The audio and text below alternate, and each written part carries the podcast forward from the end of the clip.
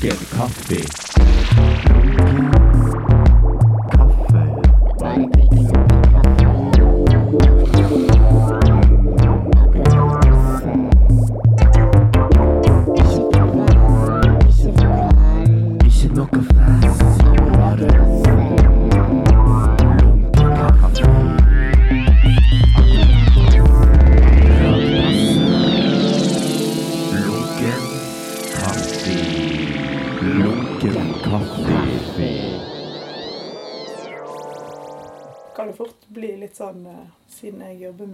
en intervjuing sjøl. Ja. Jeg følte plutselig at det var du som var intervjuobjektet. Oh, ja, sånn, ja. Men jeg vet ikke om det er sånn du tenker om det. Men skal ikke se bort ifra det.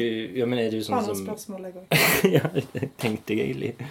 Men uh, velkommen til Lunken kaffe, Merete Jonevik. Tusen hjertelig takk. Bruker du mellomrommet ditt? Mellomnavnet, mener jeg. Nei, jeg har slutta. Helt? Slutta med det. ja.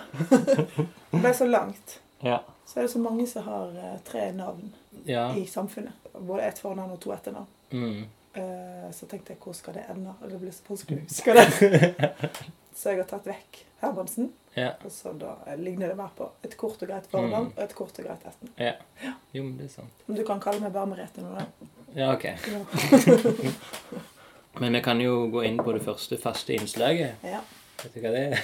ja, det sa du. Det var lunken bekjentskap. Ja. Parentes hvordan vi kjenner hverandre. Mm, Ja. Veldig bra. Ja. Hei sann!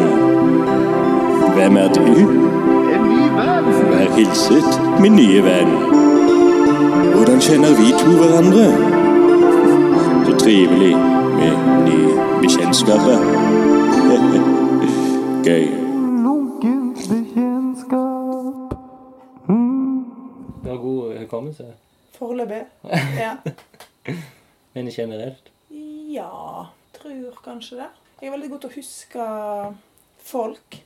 Ja, ok. Det er ikke vanlig. Og hvis jeg skal komme med en eh, personlig en betraktning helt sånn før vi Mm. begynner med noe som helst, så er det faktisk eh, eh, Husker jeg såpass godt, vil jeg si, at noen kan misforstå det som at jeg er interessert, holdt på å si, eller okay. at jeg liksom stalker dem, eller et eller annet. Men det bare, det bare sitter tilfeldig godt. Ok. Eh, Så jeg kan huske litt mer enn det jeg trenger okay, ja. eh, om folk og fe som jeg ikke eh, kjenner. Nei, sånn, ja. Hvis du har hilst på noen en gang, Ja. så glemmer du de aldri igjen. Ja, Jeg trenger ikke å ha hilst på dem hvis du hører om noen som, har, okay. Som var, hadde en relasjon til den, Ja, og vi jobba der sånn, før. ja. Så plutselig så husker jeg at han heter For navn sitter liksom. Arne Jacobsen, og så veit jeg hvor han jobber. Og så, hvis du da slumper til å fortelle det når du møter dem, så kan jo den personen tenke at Ja, ja, ja. mer enn det Akkurat. det faktisk betyr. At jeg bare husker det. Skjønner du hva jeg mener? Ja, det er sant. Ja. Ja. Men det er jo en det er jo kjempebra egenskap, da. Ja, som oftest kommer det godt med. Ja, det er jo hyggelig. Folk blir jo glade når de blir huska igjen. Ja. Som regel. Som regel. ja. Kunne jo kanskje tenkt at jeg vil bytte det med en annen form for hukommelse, men eh, la gå. Vi skal må gå inn på det litt senere. Ja. For nå må vi finne ut om du husker første gang du møtte meg, eller hilste, eller Altså, det har jeg jo tenkt litt på mm. siden det sto på programmet. Ja. Eh, og jeg har vel egentlig ikke helt kommet fram til det svaret. Ja, ja ja. Men jeg, jeg har vel tenkt som så at det var via din fantastiske kjære samboer. Mhm. Var det ikke det? Jo, det tror jeg. For jeg hilste på Anna først, eller hun tok kontakt med meg for at hun hadde lest noe som jeg hadde gjort Å ja. om eh, ja, sosiologi og oljehovedstaden og dette her. Så da fikk, tok vel hun kontakt på mail med en sånn eh, hjertelig tone som det var lett å falle for Ja. hver gang. Ja. Så da ba hun meg på en lunsj og en samtale Ja. nede i atelieret. I hennes Og hadde i hennes atelier på Tauja. Og hadde diska opp med deilig lunsj og all slags. Så det var mitt første møte med henne, veit jeg i hvert fall. Mm. Deres lunkne bekjentskap. Vårt lunkne bekjentskap begynte der. Ja. Hvis jeg bryter bitte litt inn, da, så er det jo òg eh, Anna har jo spurt om jeg kan ta deg inn som gjest i Lunken kaffe. Ja, nettopp. Du- Så du er en ønskegjest. Ja. det jo Ja, men det var hyggelig. men eh, ja, Så det vil si at det er ikke alle som blir rekruttert? Eller Ja, så- foreslått? Eh, Nei, nei. Jeg, jeg finner jo folk som regel på utstillinger. Og Ja. spør i fylla om de vil være min gjest. Ja. Og, men, men sant, du har jo òg vært en sånn, et sånn jeg har tenkt på før på grunn av Det har blitt nevnt et par ganger, sånn som Tove og Hansi og sånn. Og Ja. du er liksom et mål, da. Hvis det går an å si det. Sikker på hva målet er, men Men en sånn Eller jeg har liksom ah, hun, hun, hun vil høre hennes historie. ja. Ja. Men har du funnet Jeg regner med du sitter på det, de tydelige, klare situasjonene og svarene. Møttes Har vi hilst før jeg eh, var hos Anna? Nei, Det er via Anna. det er vi Anna. Ja. Og det er Jeg tror du og Anna var på samme sånn kulturmøte, lignende greier. Ja. Og så gikk dere etterpå til Studio 17, der kanskje det var en sånn bare snabel-release eller noe sånt. Ja. Der jeg var, og så kom du bort, og så sa Anna dette er Ja. Merete. Ja, ja, ja, nå husker jeg det. Mm. Jeg husker ikke hva vi hadde vært på. Jeg tror til og med du kjøpte en sånn liten lunkenhet. sånn- Kjøpte to. Ja. Sine. Altså en sånn bare snabel-utgivelse og en lunken kaffe, liten pamflett. Ja. Mm. Det var første gangen. Det var Da tror jeg, ja, nå, da tror jeg Anna sa òg Ja. hils på kjæresten min. Litt sånn Ja, ja, mer formelt. Ja. ja. Men jeg hadde nok sett deg og kapsen din der ute. Ok. Før? Ja. Ja. ja, for du har, det har vært en sånn som har gått eh, på forskjellige kunståpninger og sånn. Lenge. Ja, jeg har nå virra litt rundt, som har intensivert seg Mm. i det, det siste Hva skal man si? To-tre åra. Mm. Rett og slett blitt litt mer interessert i kunst. Men Ja. òg eh, når en får flere venner og bekjentskaper som viser seg å være veldig, veldig hyggelige, Mm. som eh, frekventerer rundt på disse åpningene og sånn, så er det jo enda flere grunner til å gå. Ja. Og så må jeg jo si at det skjer utrolig mye spennende og kjekt. Mm. Eh, så det er jo veldig mange grunner til å gå på kunstting eh, Ja. om dagen. Og det har vært det de siste par åra i hvert fall, Mm. syns jeg. ja, jeg er enig. Hvordan vil du tegne en sånn kurve av eh, Altså, jeg begynte å gå på utstillinger for tre år siden. Ja. Var det da Så- den infiltrasjonen din begynte? Ja. Det er jo visst det, Det er jo ja, det er dokumentert, ja, på en måte. I, Ja. i den boken i Ja. Infiltratøren. Første gang jeg var på utstilling åpning, da. Ja. Hvor lenge har du bodd i Stavanger? Er det lov å spørre? Det er lov å spørre. Eh, jeg flytta hit i 2008 Mm. Og tuller litt i begynnelsen med at eh, om man da eh, kommer til å ta det til inntekt for at man flytter det året kulturhovedstadsåret var, at, man, Mm. at det tiltrakk seg mange folk Det har jeg ikke sett noen analyser på etterpå, og det var ikke derfor jeg kom. Mm. Men jeg har i hvert fall nå vært her i ti år, da. Ja. Ja, Blitt skikkelig patriot. Ja, har du det, ja?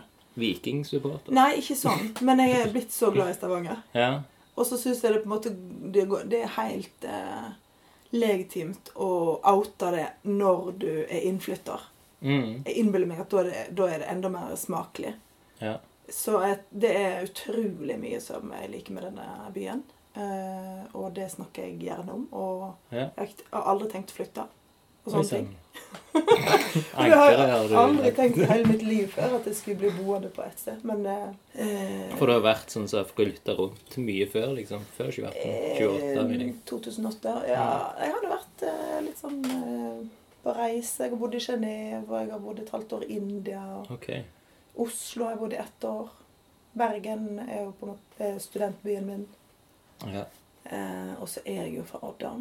Mm. Så det er de stedene jeg har bodd mer enn sånn en, en kort. Men nå tenker jeg alltid at jeg skal være her. Mm. Ja. Så kjekt. Det blir jo litt annerledes når man får barn. Eh, jeg har to gutter, en på fem og en på åtte. Ja. Eh, og de har jo sin eh, verdensoppfattelse som på en måte er rundt her nå. Ja, ja. Altså De vet jo om jordkloden og andre kontinenter Mm. og hva som er der ute. Ja. Men de er skikkelig fornøyd med Stavanger. Ja. Og så er Odda på en sånn god andreplass. Okay. Så når vi nettopp dro, dro til Odda nå, så er det sånn Nå skal vi til den nest beste plassen på jord. Det er Odda. Og det er etter Stavanger, da. Så um, jeg blir sikkert litt påvirka av de òg. Men du òg er glad i Stavanger? Ja, eh, men det gikk sikkert 30 år Tok så lang tid. ja. før jeg begynte å like den. Ja. For jeg, jeg likte den ikke i starten. Ungdommen likte deg ikke, og 20 år og Altså, det var alltid sånn Stavanger var en drittby, liksom. ja. Sammenfaller dette med, med kunstinteressen? Altså er det de tre siste åra? Ja, det er nok det, ja. jeg tror jeg var veldig sånn sta, og liksom Jeg var ikke åpen for så mye. Ja. Og så liksom, når jeg åpna meg, så ble, så jeg jo at Stavanger var jo Ja. mye At du hadde bestemt deg for at det var dust? At jeg var dust. Nei, at byen var dust. Du hadde bestemt deg. Er det du mener med at det ikke var åpen? Ja, nei, nei, at jeg ikke var åpen for andre ting, hva som skjedde i byen. Ja. At jeg var bare sånn inneslutta og Ja. opptatt av én liten sånn ting. Og, Og da ble det snevert og lite. ja. Ja.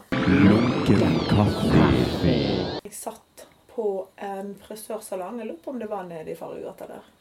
Eh, og så var det en som snakka engelsk, som klippte meg. Da hadde jeg akkurat flytta hit. Og så mm. spurte han eh, OK, why did you move? Eh, love or oil? Så Mm, liksom mm. Det var to valg. Så, um, men jeg flytta. Eh, ikke pga. olje, men pga. Uh, samboer som Mm. eh, er herfra. OK, ja. Og så hopp, hopp, hopp noen år der. Og eh, etablering og stasjonsvogn og barn og jobbe på universitetet. Mm. Eh, før jeg da begynte som stipendiat på Iris Ja. i 2011.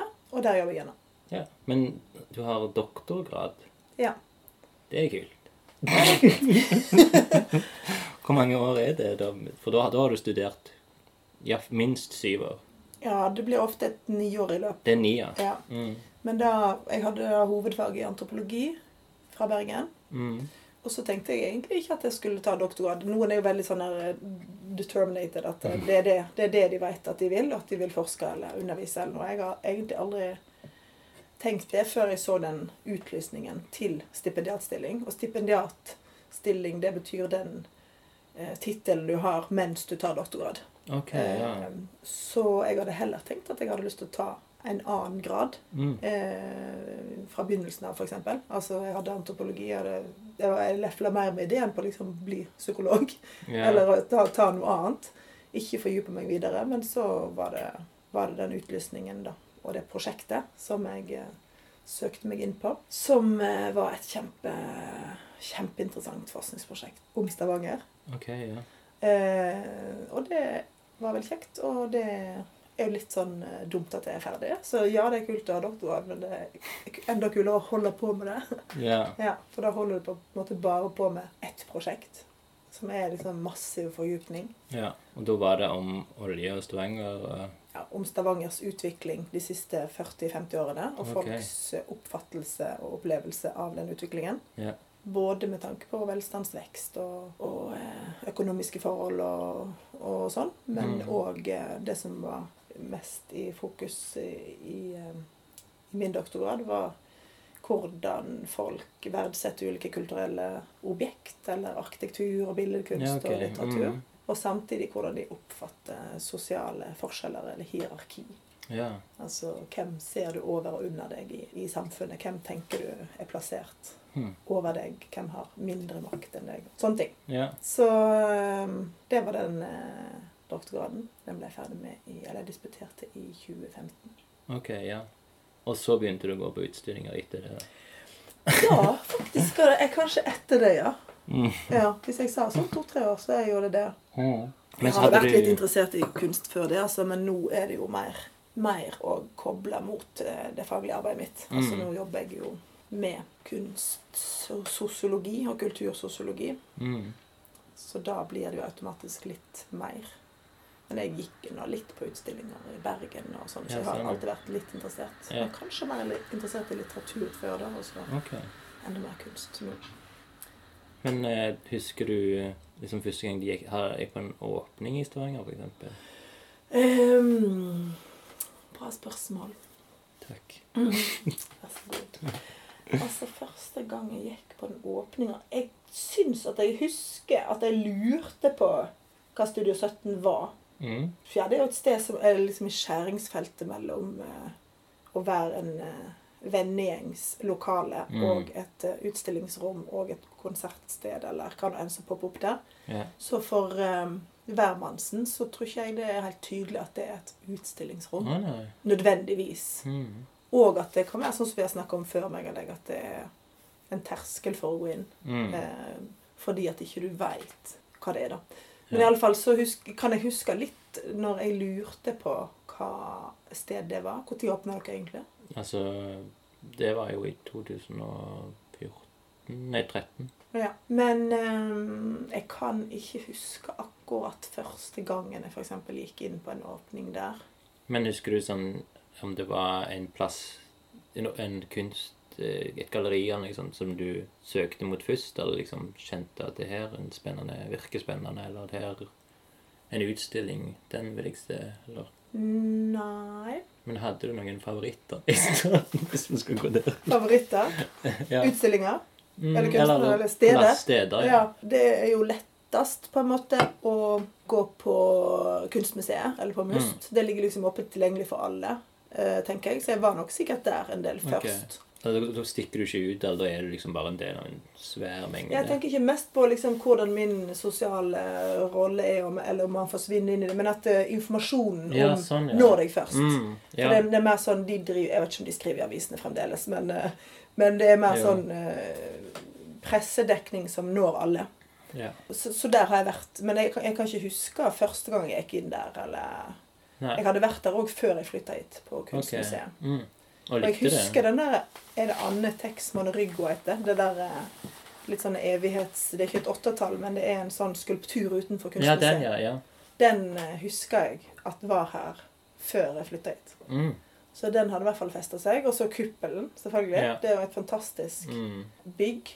Som vi kan si, vi som ikke jobber der, og sikkert Jeg antar at de tenker på utvidelse.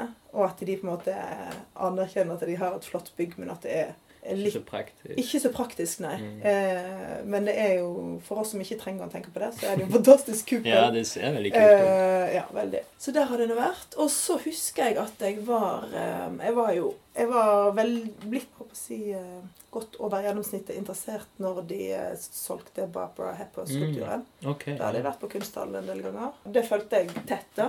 Eh, men fra utsida, så jeg er ikke på noen av de her eh, sidene. Altså, det er vel Ja, fremdeles ikke det, litt nei. Nei, jeg er ikke Nei, det. nei, Det er vel heller. fremdeles litt sånn Jeg vet ikke hvem som er på hvem sin side heller, så Nei. Men det er i hvert fall noen sider. ja. Ja, og det er noen som fremdeles mener at det var veldig ille. ja. Og som eh, Hvis eh, blikk og inntrykk av kunsthallen farges av det fremdeles, har jeg skjønt. Mm, mm. Men iallfall så var jeg på utsida av det her, da. og er jo egentlig det fremdeles, opplever jeg. Men Mm. da skulle jeg på et møte, husker jeg, i Sosiologforeningen nede i byen. Og så var det den der generalforsamlingen. Og okay. da hadde jo Aftenbladet skrevet masse om den, det salget, og det kokte litt. Så da husker jeg at jeg fulgte. Og da hadde Aftenbladet sånn minutt, minutt til minutt dekning. Oi. Husker du ikke det? Nei, for dette var i 2014, kanskje? Eller 13? Kanskje det var Kanskje til og med 12? Nei, var det såpass? Når jeg kom inn i kunstmiljøet, Ja. da var den solgt. Og jeg kom Ja. liksom når det var denne Occupy Landscape. Ja, nettopp. så jeg fant ut av hele opplegget på grunn av den. Ja. Jeg visste ikke om den eh, skulpturen før at det var en utstilling på sokkelen til Ja, så du har ikke sett den før heller? Nei, jeg hadde aldri lagt den merke Men jeg tror ikke jeg hadde vært på kunsthall heller før det. Nei. Men du har jo helt sikkert sykla forbi Madlaveien. Og... Nei Kanskje det var litt mer hekk sikkert. før? Ja. Altså Ja. Nå er det jo bare sånn byggeplass. Ja, men kanskje kanskje det har vært litt hekk og sånt. sant, Da, så det Ja. var veldig jevnt. Jeg tror det var noen som sa det, at det var liksom Det grodde altså trær foran. Ja. Det liksom Utilgjengelig kunsten. Litt flau. Ja. Nei, men da har jeg nok vært interessert lenger enn jeg eh, sier òg. Ja. For da fulgte jeg eh, godt med, da. Men det har jo noe med kultursiden du Altså kulturbyen som det var, eller som kulturåret Eller øya. Eller Jeg vet ikke hvordan det Nei. I hvert fall 2008. Du kommer og, og opplevde liksom 2008 som Ja, altså jeg fikk ikke med meg så veldig mye av det der kulturåret. Så jeg tror jeg har vært på jeg, eh, en kons felleskonsert på, på torget, men jeg, eh, men jeg, jeg, jeg, jeg var liksom ikke mm, Jeg tror jeg kom for seint til til å virkelig sette meg ned og få med meg programmet og liksom okay, vite at jeg skulle dra til Gloppedalsura da og dit og datt. Men jeg har jo i det prosjektet mitt, eller i den doktorgraden min, så har Mm. blant annet spør vi om folks syn på kultur. Ja. Kulturen, eller kulturmiljøet, eller kulturbyen Stavanger, og Mm. kulturåret. Sånn at jeg har jo fått veldig mange andre sine synspunkter Ja, på dette sånn, ja. året, da. Ja. Ja. Men eh, jeg fikk ikke med meg så mye sjøl, nei. Nei. Gjorde du? Nei, jeg gjorde ikke det i det hele tatt. Nei. Jeg, bare, jeg tror, tror kanskje det var da jeg var i Australia. Ja. Men det kan være 2009. Men ja, jeg, Mm. jeg følte Som sagt, jeg hadde Det var ikke relevant. Eller ja, eller jeg, Ja. var, jeg var på en måte i min lille boble Ja. da helt fram til 2005. ja. Um, Var det godt å komme ut? ja, ja, kjempe. Veldig befriende. Ja. Fint. Og, ja. Skål for det. Skål, ja. Vi kan ta en lunken skål Ja, det kan vi For den er lunken kaffen. Vil du ha litt påfyll, eller hvordan er det med kaffedrikking? Jeg eh, tar gjerne litt påfyll. Ja, så bra. Selv om det er seint, sover du om kveldene? Jeg har veldig godt sovehjerte, så jeg har endelig skjønt at jeg kan drikke kaffe egentlig OK. takk seint. Jeg trodde lenge at jeg hadde Det er jo sånn Jeg føler at det liksom samfunnet sier at man må slutte å drikke Ja. kaffe etter klokka fem. eller noe sånt. Ja, Seks toppen, så det Jeg følte jeg jo. det. Det er veldig mange som sier det. ikke? Det er liksom Det er nesten sånn tror det er 90% av folk som har spurt, stopper klokka Ja. seks, liksom. Og så bare reproduserte jeg det, for jeg tenkte sånn Ja, nei, jeg kan ikke drikke etter klokka seks. Eh, og så nå er det senere så har jeg skjønt at eh, jo, det kan du. Så Ja. nå drikker jeg kaffe kanskje helt fram til ni. Hvor mye glass er det? Ja, nå må jeg følge med. Nei da, han er ikke Han er åtte, altså. Ja. en time til drikking. Og jeg, har ikke satt en sånn tydelig grense heller, faktisk. Så helt crazy dager så tar jeg kanskje en kaffekopp klokka halv ti. ja. far min han er sånn Jeg tror han som lærte meg om kaffedrikking. Ja. Og han sa at han, det første han gjør når han står over sist han gjør han legger seg, Å, ja. liksom. Så Så han drikker klokka ti på ti. Og så kan han legge seg Ja. halv elleve. ja, hvis ja, han legger seg så tidlig, det, det er din mening. Ja, ja, men eh, Men, eh, ja. halv elleve. Kanskje brukte min egen far som Ja. Men, men bare for å ta et tidspunkt. Ja. Altså sånn, ja. Kort, Mm. kort tid før han legger seg. fall. Mm. Lunken kaffe. Men hva er all time favorite lunken kaffe? Min personlige favoritt? Ja. Uh... Er det Anna Ile? ja, det er det. Nei, helt ærlig så, så, så velger jeg å ikke ha en favoritt. Okay. For uh, jeg jobber mot en helhet. Og det betyr at du ikke nevner noen hvis du skulle vært nødt til å Jeg synes, jeg, Ta fram noen. Altså, det er liksom Jeg liker jo òg noen av de som er bare veldig tøysete, som ingen syns er gøy. Ja. Bare meg sjøl. Ja. Men eh, altså, du har jo jobbet litt med forskjellige kunstnere Ja. opp igjennom. Jeg vet egentlig bare at du har jobbet med Tove og Hansi. Ja. Og litt, litt annet, kanskje. ja. Samtalt litt mer. Mm. Det er jo ulike prosjekter, dette her. Og noe er ikke prosjekt, men bare vennskap, egentlig. Mm. Men eh, Eller de går nå i hverandre. Men jeg syns jo det er veldig Veldig kjekt å ha blitt kjent med Tove. Ja. Hvordan ble dere kjent, da? Ja, hvordan ble vi kjent? Hun er kanskje en av de som kommer til å høre på denne episoden. Ja, hun så- som kan høre på. Og hun hadde jo en dialektetterligning av meg i sin eh, Ja. lunken kaffe. Hvordan føles det? Nei, det var jo helt fint. Jeg trodde jo hun hadde sagt mye drit når hun ringte meg. Hei, du må høre på, på den podkasten, for jeg snakker om deg. Og så Ja, var litt seint i episoden. Så nå kom jeg kjører forbi deg, så du kan høre på den. Så satt jeg hjemme og jobba, og så måtte spole frem til den biten. da. Ok, Så hun kom liksom med og satt og så på deg Ja, mens du var dette greit, liksom? Og så sa hun jo bare hyggelige ting. Eller ja. hun- hun- det var jo bare en Odda-etterligning. Så det var- jeg synes var veldig sjarmerende. At hun likevel ville liksom ha Ja. god- godkjenning. Men nå har Eh, jo du gjort en slags uh, hevn i hermetegn og Ja. Men jeg har ikke sagt så mye at jeg trenger å la henne høre det ennå. Tror du det? Nei. Neida, men hun kommer sikkert til å høre på uansett. Ja. Men eh, ja, hvor var det vi møttes første gang? Nå kom jo litt dårlig ut dette her med at jeg sa at jeg husker så utrolig godt Folk. folk, ja. Kanskje bare husker de som, De er betydelige. ja, de, de som jeg ikke trenger huske. Eller der jeg ikke har fått påfyll av relasjon etterpå. Ja, jo, jo. Sant? Kanskje det er det. Nei, nå husker jeg det! Ja. Der kom jeg på det! Å, det var deilig. Åh, for en lettelse. For det var ikke Jeg skal klippe vekk all tvil. Ja. ja. Det hadde ikke vært eh, Det hadde ikke vært tilfredsstillende å tro at jeg møtte henne litt sånn tilfeldig bare på utstillinga. For det som skjedde, Ja. var at jeg var jo nede hos din kjære Anna. Hadde ja. spist lunsj på Tau scene, som jeg sa Samme, i stad. ja, samme Den, dagen. eh, den dagen. Ah. Og da, eh, når vi skulle gå ut, så var Anna litt sånn eh, introduserende. Eller sa sånn Ja, her sitter jo Ingeborg. Eller her er Ja. atelieret til Ingeborg Kvame. Og eh, ja, kanskje du vil hilse på Tove. Mm. Eh, og så kom jeg inn i atelieret hennes, og så Der er du! Ja. Her henger det en lapp! Og så henger det bilde av meg på veggen. Her er en lapp. Hæ? deg skal jeg snakke med. Oi, shit. Så hadde du tatt ut, så henger det Iris. Bilde av deg òg. Ja, for du hadde sikkert bare tatt, printa ut liksom den der jobbsida, liksom. Eh. Eller sånn Merete Jonvik Iris Ja. med mitt eh, andlete.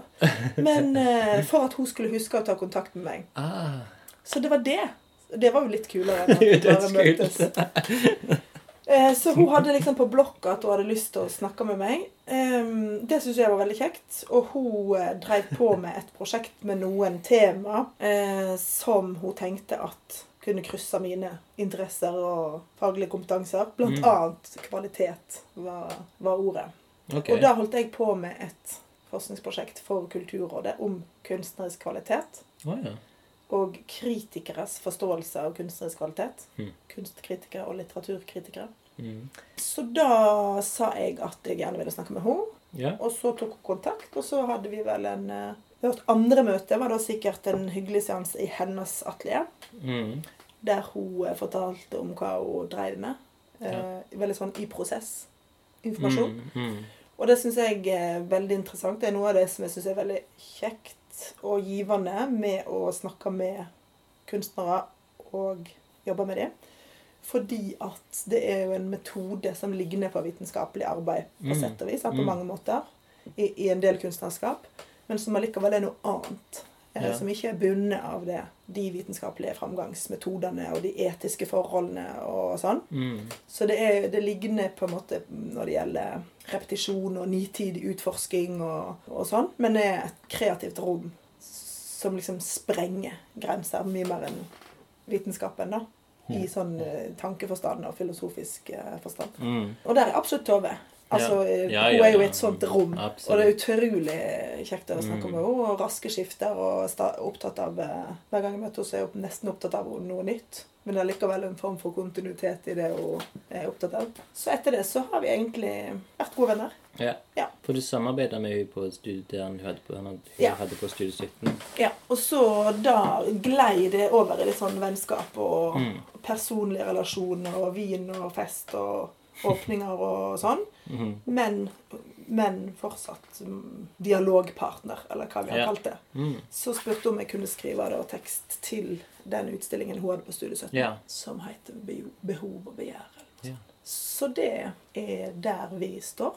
Mm. Han Eh. Sedva, da, hvordan ble det? Han sier han eh, tror jeg jeg møtte noen ganger på Studio 17, sikkert via deg og Anne eller noe sånt. Og så var jo han Jeg ble invitert til å holde foredrag på Velferden Ja, stemmer. i Sokndal. Hva foredraget handler om? Det handler om ulike måter å forholde seg til kunst, og kunst eh, og terapeutisk syn på kunst, eller kunstformidling. Ja. For det skulle jo være et foredrag eh, som var åpent for publiken i Sokndal, som ikke er så stor publik. Mm. Men, eh, men de hadde jo Eller de har, meg bekjent, hvert år egentlig. De har vel hatt noen sånne residencies over flere år, tror jeg. Og hvert år så er det viktig for de å involvere lokalbefolkningen. Mm. Ja. Mm. ja, det handler vel mye om formidling, de, Ja. de greiene som skjer Ja. her. Så. Anne hadde jo en sånn avisspalte, og, Mm. og det var i, i den sammenheng òg at eh, For da jobbet han sin med barn og kunst. mm. Hvordan de kunne Da lagde han ei trebanan. Ja. Ja. Og da, når jeg eh, gjorde det foredraget, så spurte jeg om Når jeg først var i Sokndal og skulle holde det, så spurte jeg om jeg kunne ha en samtale med alle de fire kunstnerne som var der. Mm. Et minintervju eller en samtale som jeg da tok opp på bånd, Okay. og kanskje skal bruke til noe seinere. Ja, kult. Og Hansi var en av de, Mm. eh, og Anna var den andre. Mm. Eh, Og da fikk jeg litt mer info om hva Hansi jobba med, og hvordan han jobba, Mm. og hva han hadde gjort med den barnegruppa og den banana på Sokndal i fjor. Ja. Så når eh, jeg da Eller når Kulturrådet lyste ut sin nye forskningssatsing, barn og unge og kunst og kultur, Mm. så tok jeg kontakt med han om han ville være med på en søknad. Som, hvis jeg hopper til slutten, så fikk vi det prosjektet. Eh, yeah. det, eh, så det holder på nå, og det er allerede veldig kjekt. Men eh, mest av alt så gleder vi oss til å sette i gang. Men det er da et eh, prosjekt som, skal, som heter 'Samarbeid mellom små og store vesen'. Mm. Deltakerbasert kunstproduksjon med barn. Ja, Så der skal da Hansi og ei gruppe barn lage et verk. Banan. Kanskje ikke banan. Det, um, Vinnende form. Det. det er det han gjør, liksom. Hvert år. Lager banan med barn. Mon hva materialet blir denne gangen. Det var tre i fjor, da, så da kan vi utelukke det. Men um, Men er, har dere liksom en uh, sånn arena, eller er, liksom, er det på skoler, eller Ja, nå har vi fått eh, Jeg vet ikke hvor mye jeg skal si om det, i og med at det er i prosess, men vi har Mm. fått en samarbeidsskole. Ja, ok. Og er allerede opparbeida det som jeg vil si er en god relasjon. Og de vil ha et kunstverk. Og vi håper Mm. at det kan være et ganske permanent verk. Altså det skal okay. ikke være flyktig i hvert fall, eller temporært, eller forsvinne. for Så kan det bli en slags utsmykning på skolen? Liksom. Ja. Mm. Men, eh, men det forskningsmessige i det, for jeg skal da følge den prosessen. Mm. eh, Og observere og forske og skrive om det. Og den forskningsmessige interessen i det går på hvordan barna og Hansi forstår kunst. Mm. og kunstproduksjon. Hva materialer de foreslår, hvordan de opplever sin egen beslutningsmyndighet. Mm. og asymmetrien i det forholdet. Okay, kult. Likeverd, er det mulig? Eh. Mellom profesjonell kunstner og barn. Mm. Medbestemmelse og definisjonsmakt, og hvordan forstår de situasjonen og sånne ting. Hm. Er det en alder dere har eh, plukket ut? Mellom 8 og 12, Ja. så kanskje tredje trinn. da. Mm. Så der har vi nå et samarbeid Så gående. Så det skal gå til høsten. Ja, kult. Veldig kjekt. Og vare en stund, da? Ja, det er litt mer sånn eh, Ja, et slags modningsprosjekt som får lov å ha litt tid. Jeg har jo ofte prosjekter som går altfor kort. Så Ok. vi er ferdig med kort. Så det Mm. En liten essay, alltid på det, eller skrive litt, mener jeg. Ja, hun skriver fort ut en rapport. Eller Ja. noe, Så det, det med hans idé går i år og litt ut til våren. Ok. Så det blir spennende. Mm. Ja, Og så Anna, hun har jeg jo bare da på en måte Det var vel først et vennskap. Men altså, det er jo Eller fortsatt. Men Altså, så jeg meg Det begynte jo som en jobbkontakt. Ja. Fordi at hun tok kontakt, ja, som jeg sa, og hadde da en eh, utveksling om oljehovedstaden. Eller hva Ja. vi skal si. Mm. Men var det med en gang hun kom? Altså Var det liksom i 2016? Jeg lurer på om hun skrev at eh, hei, jeg har flyttet hjem for ikke lenge siden. Ja. Ja. Det var sikkert før hun møtte meg, kanskje. ja Når møtte du henne da? 2016. På studiestøtten? Eller på gata? Jeg gata? hadde en eh. Nei, Hun hadde en, eh, en presentasjon, selvpresentasjon på Kunstsenteret Ja. i jeg tror kanskje det kan være april 2016. Ja. Og da bare, da bare møtte jeg da bare sånn hei, og så ja. ble jeg kjent med deg i sommeren. ja. Husker du presentasjonen? Mm. Var det bra?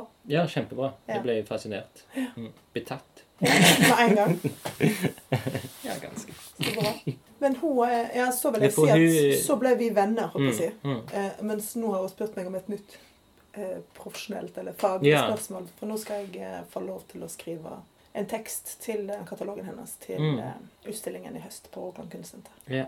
Som heter Idle Hands, tror jeg. Jeg husker Jeg tror mest Brysomme hender. eh, Ja, OK. Idle. Jeg har mest satt meg inn i de lysende framtidsutsiktene enn så lenge. Ja, ja, ja, ja. Nei, men altså, katalogen tror jeg heter Brysomme Jeg, jeg er ikke sikker på dette, men det, det er noe med Idle Hands. Og så er jeg litt usikker på oversettelsen. Idle. Er det hogd i stein? Hva tittelen er? Ikke Men kanskje Ja, for hun har jo søkt om noen midler og Hun har Ja. eh, Altså sist nå Det her kommer jeg sikkert klippe vekk. Ja. Må jeg spørre henne om ja. i natt. Men eh, hun er på utrydningslaget til Jessica. Sa du utdritningslag? Eller sa du drikning? Det får vi spole tilbake. Ja. ja, hun er det nå? Ja. Ja, Mm. På en torsdag? I dag er det tirsdag. Men episoden kom ut på en torsdag. Så. Ja. Det fester meg veldig på torsdag. Ja. Men uh, Idol, det er Ja. egentlig det Om det bryr seg om. jeg har lyst til at det skal være det. Ikke det edle heller. Dette må vi klippe vekk. Ja, ja, ja. Men uh, vi Ja. snakket jo om uh, Anna og Ja, for du skulle skrive en tekst for henne. Ja, og det gleder jeg meg til. Hun har en veldig kul Hun har masse kjekke prosjekter, og de er jo veldig, veldig omformbare inn i f.eks. sosiologiske problemstillinger Mm. om arbeid og Ja. fritid og tid og tidsbruk og grenser og, Mm. og sånn. Så det, det syns jeg er veldig meningsfullt å sette meg ned og vie tid til. Mm. Så det, det bare gleder jeg meg til. Kjekt at hun spurte. Så får vi se hvordan tekstresultatet blir. Det vet man jo ikke helt. Men det er jo litt kjekt for meg å skrive sånn i en friere, sånn essayistisk stil, eller hva du skal kalle det. Skal, du- skal du skrive en om hennes kunstnerskap, eller om det prosjektet? Eller? Nei, jeg har fått relativt frie tøyler, Okay. men det vi har blitt enige om, er eller det som jeg foreslo, var at jeg kunne få lov til å skrive om eh, større deler av kunstnerskapet, og om spesielt om dette som går på arbeid, og hvordan hun setter grenser for sin kunstneriske utfoldelse, Mm. eh, spesielt tidsgrenser, Ja. og opp mot en sånn idé om eh, Det er jo et veldig sånn ideal i kunstverdenen om at kunstneren er overskridende, helt sånn grenseløs. Mm. Og hun setter jo Ja, ja. grenser for det. Så det har jeg lyst til å gå litt inn i, og så med spesielt fokus på disse lysende framtidsutsiktene, eller Mm. den utstillingen, og Mm. gullgraving og Ja. gull versus olje og Mm. sånne ting. Så kult.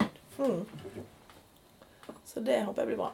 Så var det to andre som har spurt til den katalogen. Tror Geir skulle skrive noe. Ja, jeg tror han er redaktør. Eller, Ja.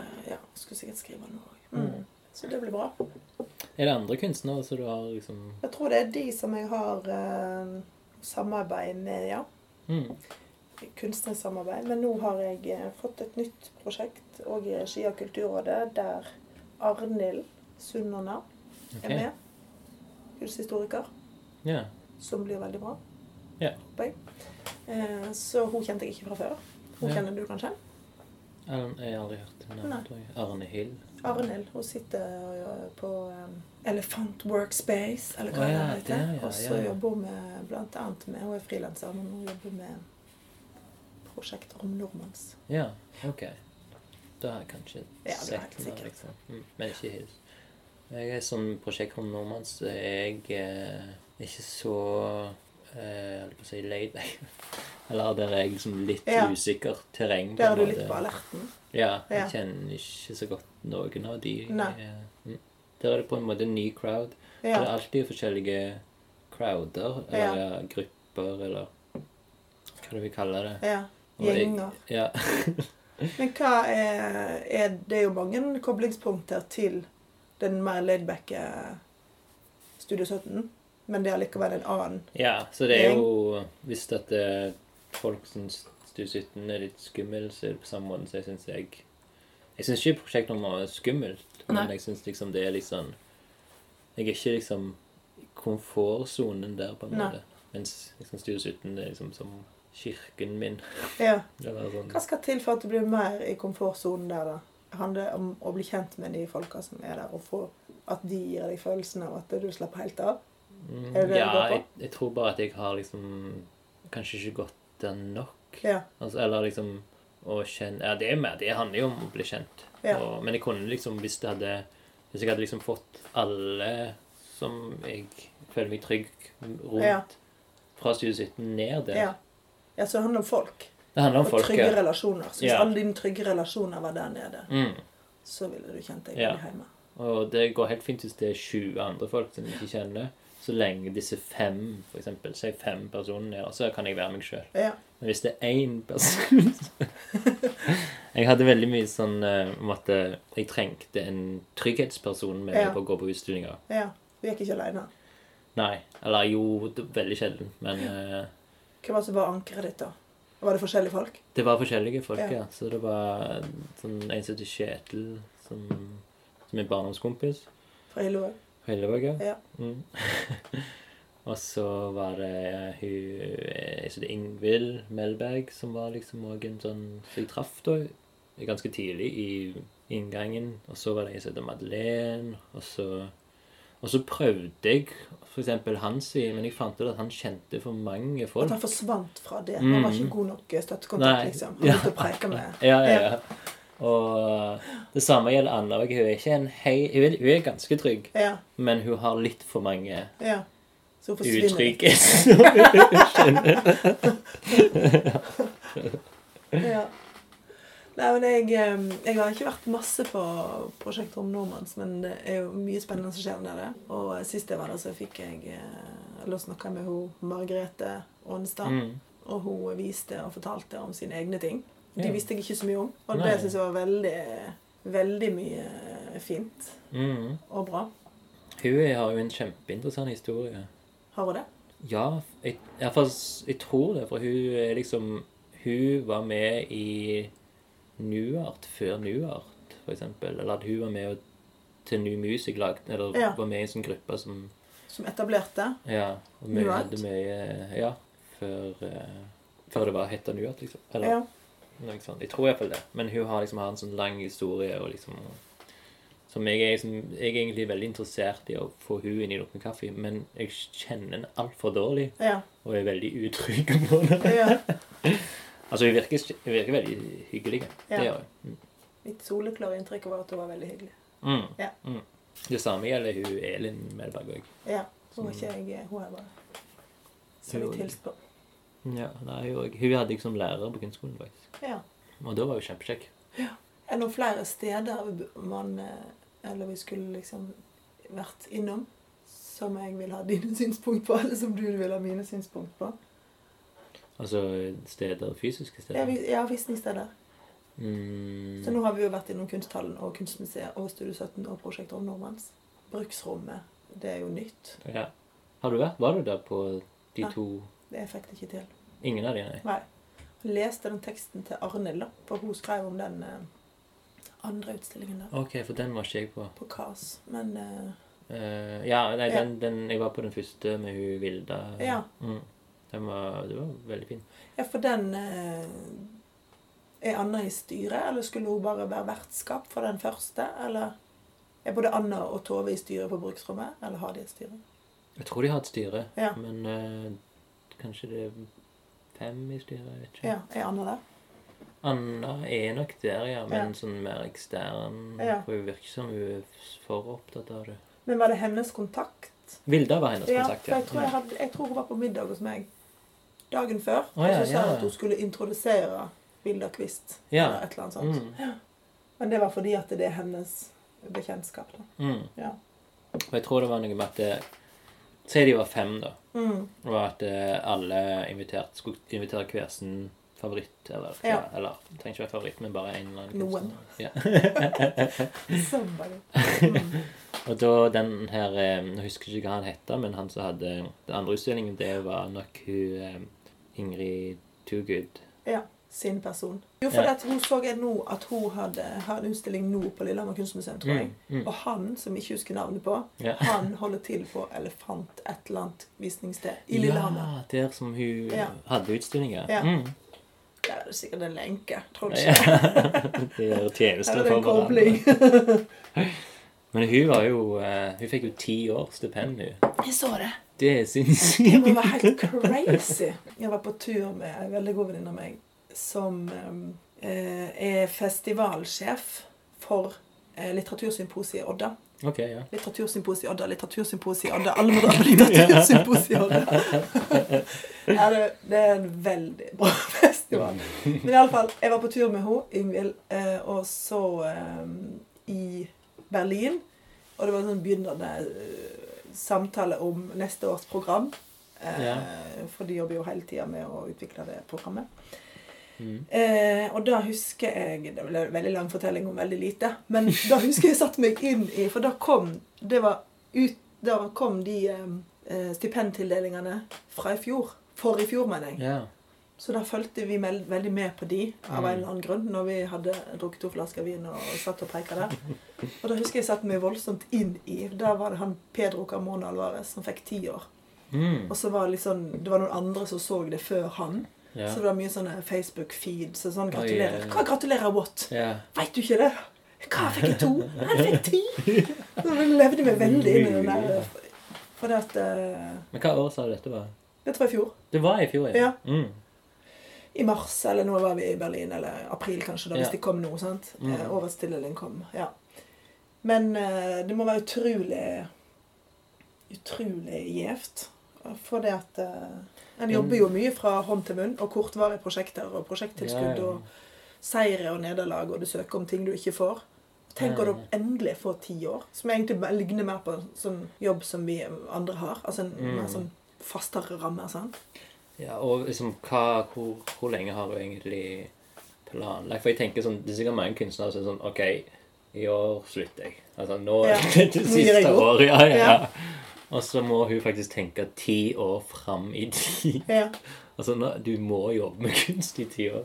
ja, men tror ikke du det er en stor glede? Du søker vel Jo, ikke jeg, uten jeg at du tror har absolutt det, tenkt det? men jeg tenker liksom på Hvis jeg hadde fått det, så hadde jeg jo tenkt på og hva forventninger har de. Eller Mm. sånn, hva, eh, skal jeg bare få holde på med det samme og bare være liksom Ja. safe, eller skal jeg liksom Hva hvis jeg gjør noe helt annet? Jeg Ja. skal begynne med skulpturer, liksom. Ja. Eller, ja, det har jo jo gjort, men uh, Men du må vel søke Du skal jo ikke lage en sånn Jeg veit ikke hva som kreves av de søknadene, Mm. da. Men jeg antar at du må jo gi noen skisser for hva du har tenkt og lyst til å utforske og jobbe med. Og, De ti årene, ja. ja, jo, det og, og mest altså, Og selvfølgelig portefolioen din og, Mm, og, jo, og, er sånn bakover. Men, men, eh, men jeg tipper at ikke det er veldig strengt, for det vil jo være et hinder for kunstnerisk eh, utvikling. Ja, ja, ja. Hvis man på en måte må, må detaljere det for mye. Men jeg, Mm. jeg tipper at du må, du må ha en eh, plan.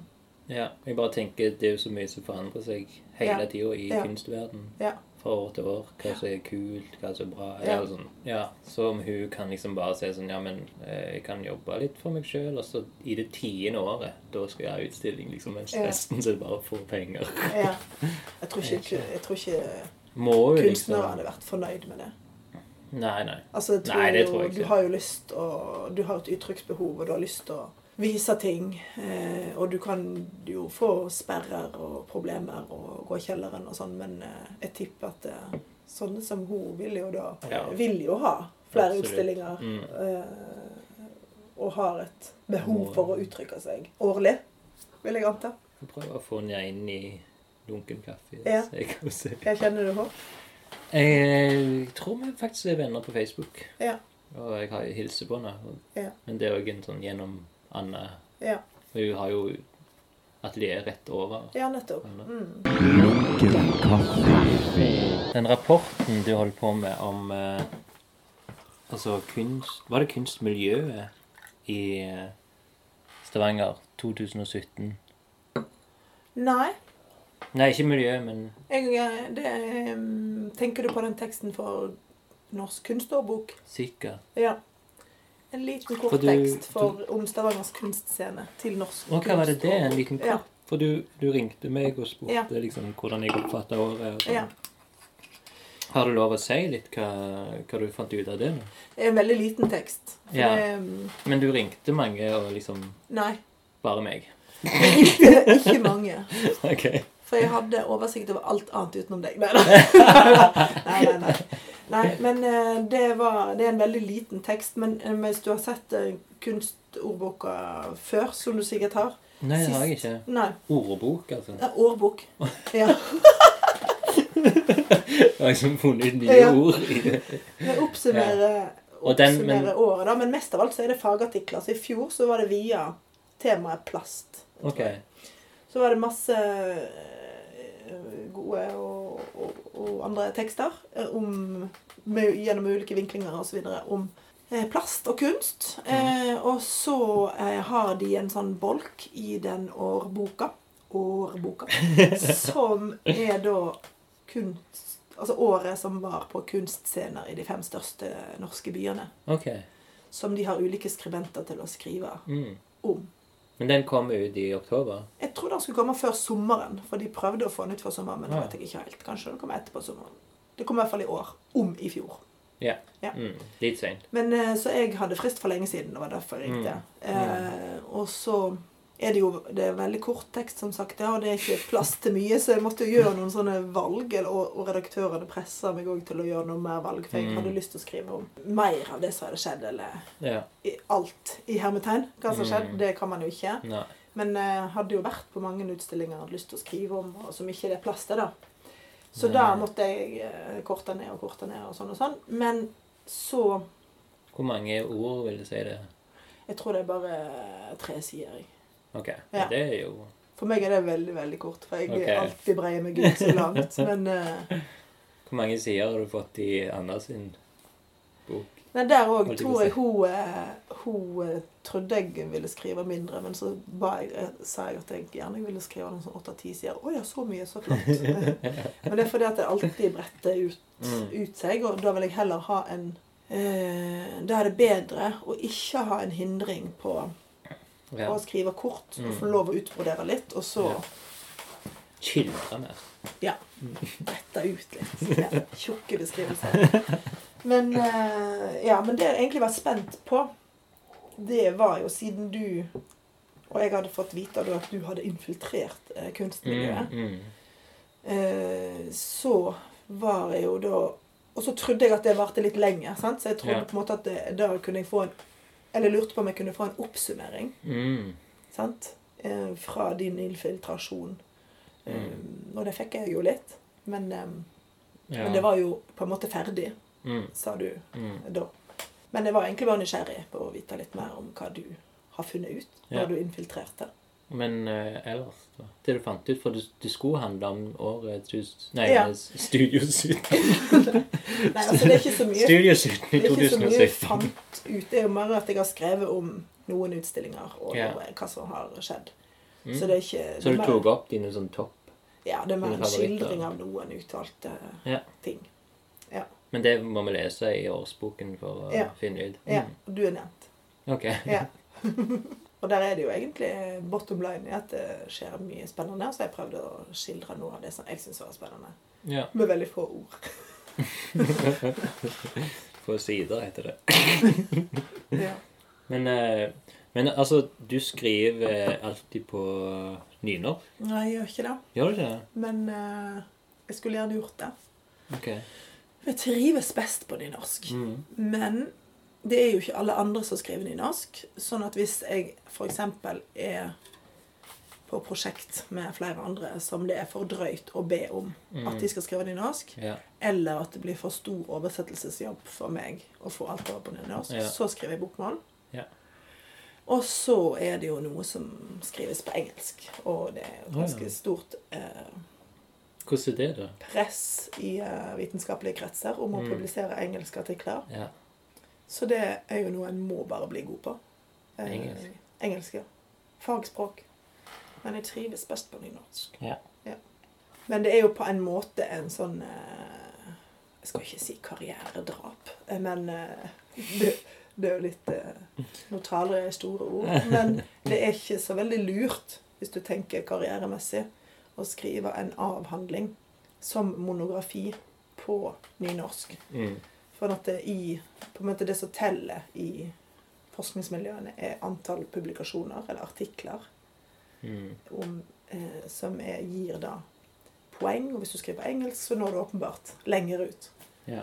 Så når jeg har skrevet da en avhandling som er en sammenhengende fortelling, og ikke artikler, og når den er på nynorsk og ikke på engelsk, så på en måte sakker du akterut, da. Eh, ja. Men dette her er jo egentlig bare sånne interne vitenskapelige, vitenskapsfaglige, administrative problemstillinger som egentlig ikke er det viktige.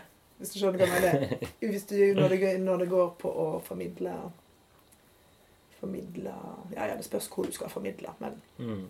det blir jo veldig sånne interne problemstillinger med hva som er poenggivende, og hva som ikke er poenggivende. sant? Ja. Så det kan ha vel så stor verdi om mange av de som eh, har latt seg intervjue og lese det du har skrevet, eller de som Mm. bor i Stavanger. De blir plutselig feilsitert hvis det blir på nynorsk. Nei, jeg vet ikke. Det er jo Oversettelse er det jo egentlig alltid. Ja. Men det, det kan jo være fremmedgjørende å plutselig bli sitert på engelsk ja, eller på nynorsk. Mm. Det er faktisk noen utgivelser eh, der, der har vi landa på sammen med redaktørene at sitatene står på bokmål. Ok. Fordi at det, det virker kunstig, mener noen, Mm. å oversette sitatene. I hvert fall hvis det er kjente navn, sånn som de kritikerne jeg intervjuer. De oppgis ved fulle navn okay. i tekstene, sånn at det, Men de skulle jo, eh, hvis det var helt rett, så skulle de jo blitt sitert på sitt eh, På dialekt. dialekt. Ja. ja, egentlig. Det er Så det har jo ingenting å si. her utover. Ja.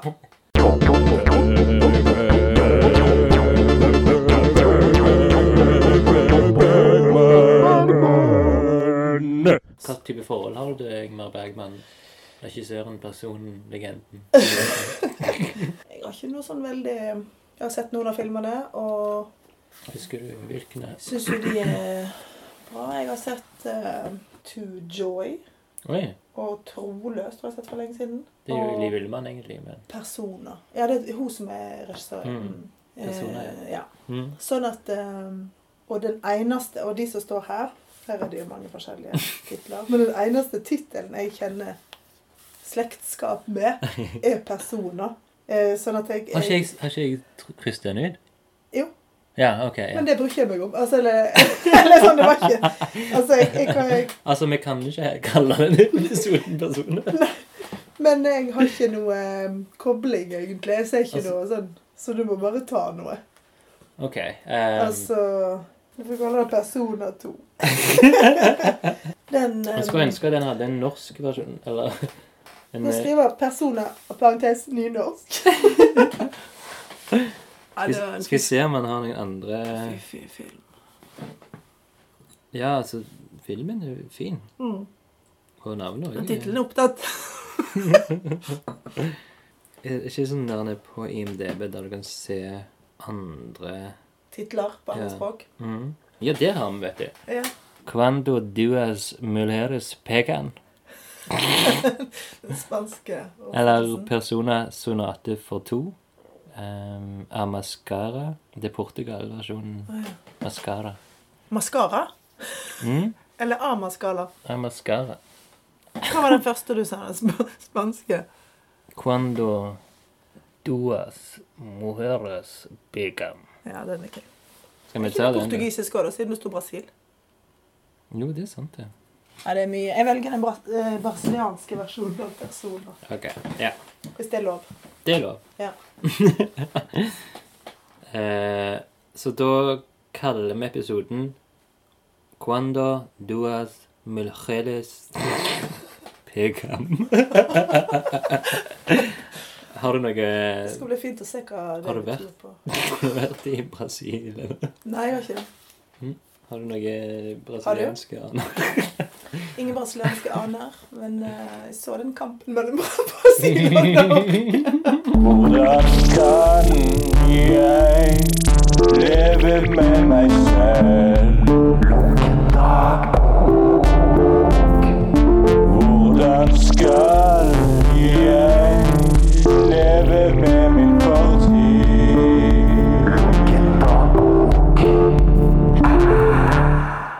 Enten har du hatt en dagbok, Merete? Har du en dagbok, eller Kunne du tenke deg en dag? Har du ønske om å få en dagbok? Ja, nei um, Ja, jeg har skrevet dagbok Ja. når jeg var liten. Mm. Liten mot ungdom.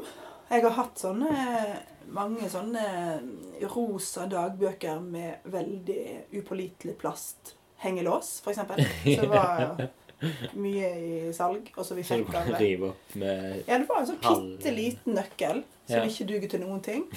Og som eh, var en hengelås da på Ja, så jeg har skrevet i mange sånne. mm, intime detaljer i ditt liv, eller? Altså, jeg tror jeg var mer ærlig enn jeg ville vært i dag, holdt på å si. For i dag er jeg liksom Jeg har så mange metanivåer. Og, og det å bli voksen er så metaaktig at du ja, Men sånn som jeg husker det, så var det, så var det rett og slett eh, det en dagbok kan være. En venn, Ja. tror jeg. Mm. Og jeg husker at det var digg å skrive ut, eller pros eh, prosessere hendelser. Fordi Ja. at de da gikk gjennom hodet på en ny måte. Ved at du Mm. skrev de ned, eller at du kunne få ut agg, liksom. At du kunne skjelle ut eh, mor di i, i skriftlig Mm, versjon, mm. og at det da bearbeider noe, eller ja. Og sånne hemmelige ting som forelskelser som Ja, du ikke ja. kunne si til noen fordi du lurte på om venninnen de var forelska sammen. Mm. eller sånt. Altså, det er den mest intime betroelsen. Så det har jeg gjort eh, Det drev jeg med ganske lenge. Mm. Og de har jeg spart eh, oh, på et hemmelig sted. Kunne du liksom åpne de i dag og liksom sett på de med nye øyne, eller liksom Ja, men eh, jeg vet ikke hvor mye hvor mye spennende det er der. Litt på en sånn måte at eh, Når vi holder på med dette barn- og unge-prosjektet, så er det ofte Eller vi hadde en samtale med hun Ane Hjort Guttu, Ja. som vi brukte Eller som er med som en sånn ja, dialogpartner, eller Mm. Annas tidligere mentor. Yes. De hadde akkurat avslutta forholdet sitt. men, eh, men hun sa det at eh, en fallgruve i samarbeid med barn okay. Og kunst er Mm. at voksne kan ha en tanke om at barn er, er så frie. Sant? Og at man Mm, da får mm. noe mer ved å samarbeide med de. Men ofte så har de veldig konvensjonelle tanker om kunst, fordi de har ikke fått alle disse metanivåene, f.eks. Mm. Så når hun hadde et samarbeidsprosjekt med sønnen sin, så var det viktigste for han gjerne at det skulle være Når de skulle lage en utstilling, at den skulle ha stettglass, og at de skulle ha noe på en prosjektor, liksom. Okay. Eh, for det kjente han til fra utstillingsformatet. Ja, sant? Ikke, sånn, ja, ja. Så da har ikke du fått liksom masse sånne frie, Mm. ubearbeida tanker fra barnesinnet. Sant? Mm. Eh, og litt på samme måte tenker jeg jo, hvis du skulle tolke dine egne dagbøker Mm. Du liker å tro at eh, når jeg var ni år Det er sikkert masse sånne ubearbeidede, herlige niårsrefleksjoner. Yeah. Så ikke sikkert det er, er så mye sånn allikevel. Det kan godt være at det i, i dag så ville jeg tenkt at de var veldig eh, konvensjonelle og barnslige, åpenbart. Mm. Eh, så jeg tror liksom ikke det ligger noen skatter der. Det er mer sånn at det er en bit av meg. Jo, kommer jo tilbake igjen til den tida, liksom, hvis du skriver liksom om hendelser Mm. Ja, som har skjedd. ja. Og, og det er jo litt koselig, sånn Ja. nostalgisk sett. Det har du rett i, og det er nok ting du har glemt, som du vil kunne huske på. Mm. som vil poppe opp som situasjoner som du har bakerst i kartoteket, men som du ikke Mm. har klart å hente fram uten den dagboka. Mm. Sikkert ting du både vil hente fram og ikke. Ja. Ja. Men du kunne ikke tenkt å ha hatt en dagbok i dag? Eh, Nei, der måtte det vært et eller annet prosjekt. Ja. Altså det var en avgrensa tematikk jeg skulle skrive om.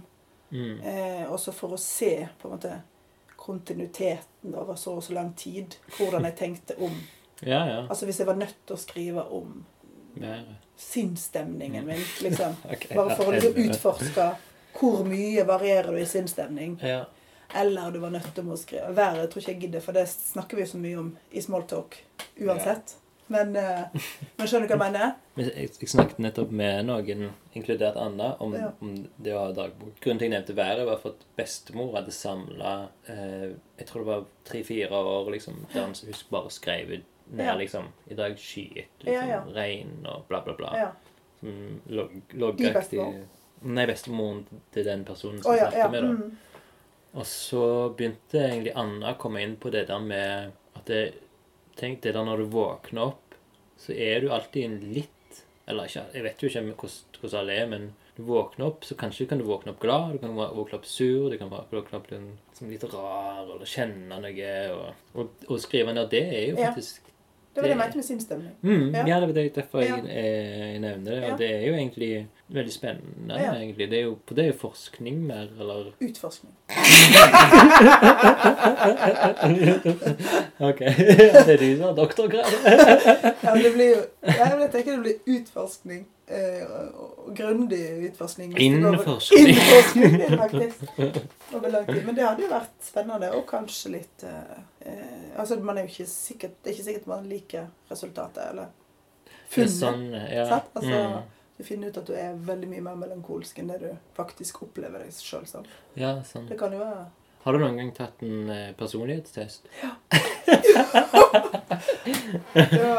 Hva fant du da? pussig at du skulle spørre om det, for jeg hadde et eh, Det er ikke så lenge siden jeg gjorde det til et stort prosjekt. Mm. Der jeg og fire nære venner Mm. Var jeg som spurte da om de ville ta den personlighetstesten.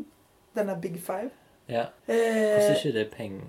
nei. ok. Du får, det fins en sånn versjon for uh, de som jobber med det, men så er det Mm. en Det fins tre versjoner, fant jeg vel ut. Sånn 60, 120 spørsmål og 230 eller noe, så vi tok okay. den lengste.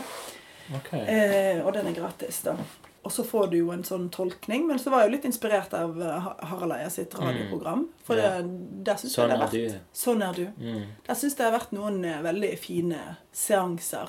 Mm. Og det er jo innenfor liksom samme formatet, så du veit jo hva de kommer til å spørre om. og, yeah. og sånn. Men det har, det har jo liksom bretta seg ut veldig ulike personligheter som Mm. scorer veldig ulikt på disse eh, underfasettene, åpenbart. Mm. Som jo bare er en del sannhet, men som allikevel er sånn Hæ?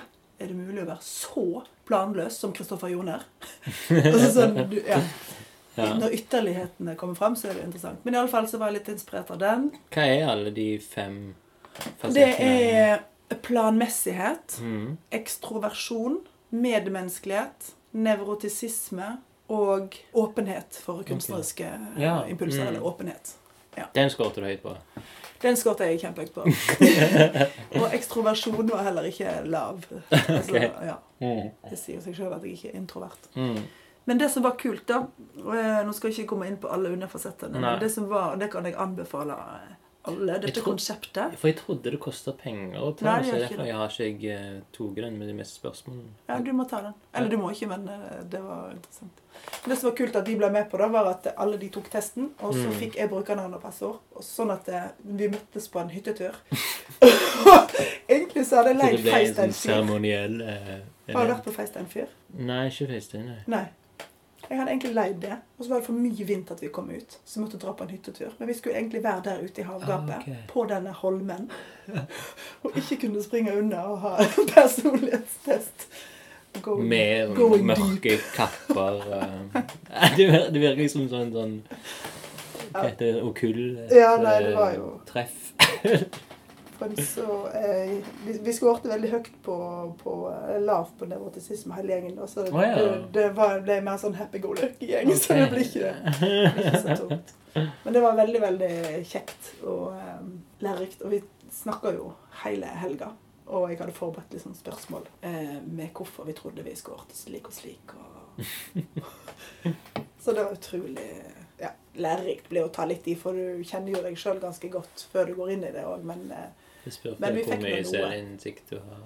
Ja, og så er det jo på en måte noe av eh, Er det en underfasett? Nei, fasett hvor mye selvinnsikt? eh, Sjølinnsikt tror ikke jeg er Hvor godt kjenner du deg sjøl? Nei. Tror ikke det. For Men det som på en måte blir litt interessant i det, for det er jo ikke det fulle svar. Hvis du tar den, så er det jo ikke det fulle svar om deg sjøl, men det er, det er det du svarer eh, Og det kommer interessante ting opp fordi du sammenligner deg med noe. Våre vurderinger av hvem vi er, er gjøres i sosial sammenligning. Mm. Sånn at du svarer jo ikke et vakuum. sant? Så hvis Anna er veldig eh, La oss si at hun var veldig eh, sånn framfusende og aggressiv. mm. Så på spørsmålet er du, eh, tyr du lett, blir du lett sint, Mm. så ville du eh, mest sannsynlig svare sterkere nei hvis du lever med Anna som er veldig framhusende og Mm. lett aggressiv. Mm. Sånn at det er mer enn at det liksom er Nå er det sannheten om deg. Så er det masse interessant i hvem du sammenligner deg med, og hvem de du sammenligner deg med, Mm. er, og hvordan du tror du er i relasjon til de. da. Ja, ja, ja. Hm. Så hvis du er, har veldig lite selvinnsikt, så scorer du vel helt feil på personlighetstesten, for du vet egentlig ikke helt. Ja, Eller så er det mer intuitiv rett. Ja, jeg vet sånn, ikke. Ja. Det kan Hvis du har for mye selvinnsikt, så Jeg vet ikke. Går det an å ha for mye selvinnsikt? Ja Altså, det kan jo grense over til farlig. Han som kjenner seg sjøl for godt. Bare låse deg inn. Ikke møte folk for det du er for, ja. Finne ut at du er psykopat, Ja. eller Men du har, hatt, du har ikke tatt en? Du har hatt lyst? jeg har, jeg har tatt sånne Kortere? Kortere, ja. Mm. Mm. Der jeg scorer veldig høyt på introvert og Ja. sånne ting. Vil du utdype det? Eh, nei, men jeg tror, jeg tror altså Hvis jeg hadde test, tok testen i dag, så tror jeg den hadde vært helt annerledes enn for et år siden, faktisk. Ett år bare? To, da. Ja. Tror du det? Eh, ja Det har skjedd masse. Altså, det Jo. Store personlighetsforandringer. Mm, ja. Ja. Altså, jeg er mer komfortabel nå, liksom, men jeg Ja. var Lunken kaffe. eh, Skal vi gå eh, løs på den skumleste faste innslaget? Jeg tror vi har gått gjennom alle utenom den siste. Og, Mest avgjørende. ja.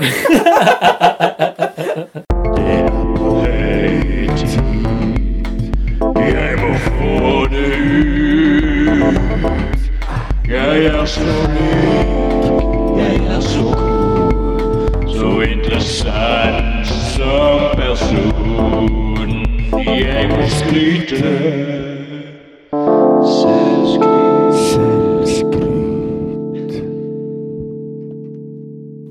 Og jeg tidligere hvorfor jeg valgte å bruke den, eller ta den inn i lunken kaffe. Ja, som en motpost til janteloven. Mm. Ja. Og jeg har òg liksom gitt folk, eh, tidligere gjester, eh, loven til å gjøre det på et lunkent vis. Som vi sier her i Lunken kaffe. Ja. For eksempel var ei som sa at hun var veldig flink til å pusse tennene. ja, nettopp. Så du trenger ikke ta noe veldig definerende for din Nei, egen personlighet. Det kan være. Jeg òg har liksom bare sagt at jeg er Ja. god til å ta på strømper om morgenen, ja. liksom. Må du si noe hver gang? Så du blir plutselig god til veldig, veldig mye? Eh, nei, jeg eh, Av og til så skipper jeg det. Ja. Eller Det er helst gjesten som skal si det. Ja, og hvis gjesten er mer hvis den tvinger meg, så Ja, ja. Så hvis du tvinger meg ja det gjør jeg. Ok. Sa du noe sist? Eh, ja, jeg, jeg, da, da tok jeg ut at jeg hadde utgitt en bok. Ja, ja, ja. Mm. Gratulerer med det. Takk. Ja, det er jo jeg egentlig også litt god på, men eh, det er mye mer komfortabelt å ta noe som er lite, liksom. Mm. For at man skal jo eh, ikke skryte. Ish. Eller ja. At vi kan virke klysete. Ja. Um, Eller klys... Jeg vet ikke helt hva klysete ja. er. Nei, det er jo eh, Det er jo litt sånn en hårfin balansegang i hver og en person, tenker jeg. Ja. Hvor mye en uh, føler seg vel med å si hva en er god til. Og Mm. gode sider med en sjøl. Og apropos den personlighetstesten, da, så var det en av de tingene som var på en måte en feil tolkning av meg. OK. Eller der jeg eh, Det siste ordet er sikkert ikke sagt, men jeg hadde en opplevelse av at jeg eh, liker å løfte fram mine egne bragder. Hvor, hvorpå alle mine venninner sa 'hæ?' Nei, det gjør du ikke. Men saken var da at jeg sammenligna det med noen i min familie som er veldig avmålte, og som okay. ikke gjør det. Og ved siden av de Mm. så kan jeg lett virke skrytete. Men eh, Ja. i mine venners eh, blikk så var det helt feil. Men jeg kan si at jeg er god å kjøre bil. Jeg mener, hallo. Mm. Og jeg liker å kjøre bil. Ja. Er det god å parkere òg? du ikke parkere? ja. God til Mm. det. Ganske god. Rundkjøringer? Ja da. Ikke noe problem. Det er en passe ufarlig ting å ta. Bilkjøring. Ja. Men som eh, kvinne så er det jo det ifølge myter. Ja, I og med at eh, kvinnen nettopp har lært seg å kjøre bil. At det er sånn stereotyp at kvinner er dårlige i trafikken. Ja. Spørs Hva syns du om det? hvem som har lagd den stereotypen. Det kan man spørre seg sjøl om. Det tror jeg er en dronning i England. Hvem som har sagt at det var sånn. Ja, nei, jeg tror nok det fins Det kjedelige antropologiske svaret er jo alltid at det fins like stor intern variasjon innad i gruppen kvinner som det fins innad i gruppen menn Mm. på eh, kjøreferdigheter. Ja. Noen vil jo sikkert være uenig i det, men, eh, men det lar seg jo eh, teste ut for de som er interessert i det. Men eh, jeg kjenner da mange gode kvinnelige sjåfører gjør det. ja. Ja. Ja, jeg òg. Men det er veldig rart med det her stereotypien. Hvordan, ja. at jeg blir av og til kjørt til barnehagen som jeg jobber i, med ei som bor eh, på Paradis. Og hun i trafikken er ofte sånn Hvis det er noen dårlige sjåfører, så Ja, det er sikkert ei, ei dame. Ja. Og det, dame, liksom. Ja, Ja. og det syns jeg er veldig rart. Altså, Ja. Men hvorfor sier Ja. du det her? Og Nei, men det er bare sånn. Ja, ja. Det, men hun er jo sånn litt eldre og, og har blitt kanskje oppvokst med at det er sånn du skal si, liksom. Ja, ja. Jeg vet ikke. Det er jo Men for eksempel eh, Tove. Hun sier jo eh, født i en bil omtrent. Eller hun har kjøpt Nei, hun sier ikke det. Hun sier hun har kjørt bil til siden hun var Husker ikke hvor lavt, men i hvert fall Mm. før, før, lenge før det var lov. Eh, Født i en bil høres jo litt trashy ut. ja, kanskje litt vel trashy. Mente ikke Tove. men, eh, men hun er jo kjempegod å kjøre bil. Mm. Eh, og du kan på en måte sikkert skille ut noen sånne ting, egenskaper som er det du mener når du sier at du er god å kjøre bil. Og i hvert fall for meg så handler det om at du ikke kjører rykk og napp. Sånn at Ja. rykk og napp-kjørere som liksom er for rask på gassen, for rask på bremsen og for kjapp i svingingen. Eh, det blir jo kjempestressende. Det er de verste sjåførene, syns jeg. Så hvis du på en måte har jevn fart eh, og holder deg i nærheten av det som er fartsgrensen, og at du eh, innbyr til trygghet, Mm. men ikke en, en snegle, men heller ikke en eh, fartskomet, Gris. så innenfor det, eh, og at du klarer å snakke samtidig og, og sånn, turnere Ja, det har jeg merket faktisk med bilister. For Ja. jeg sjøl har jo aldri Nei, jeg har, eh, jeg har rørt et ratt én gang når jeg var 20.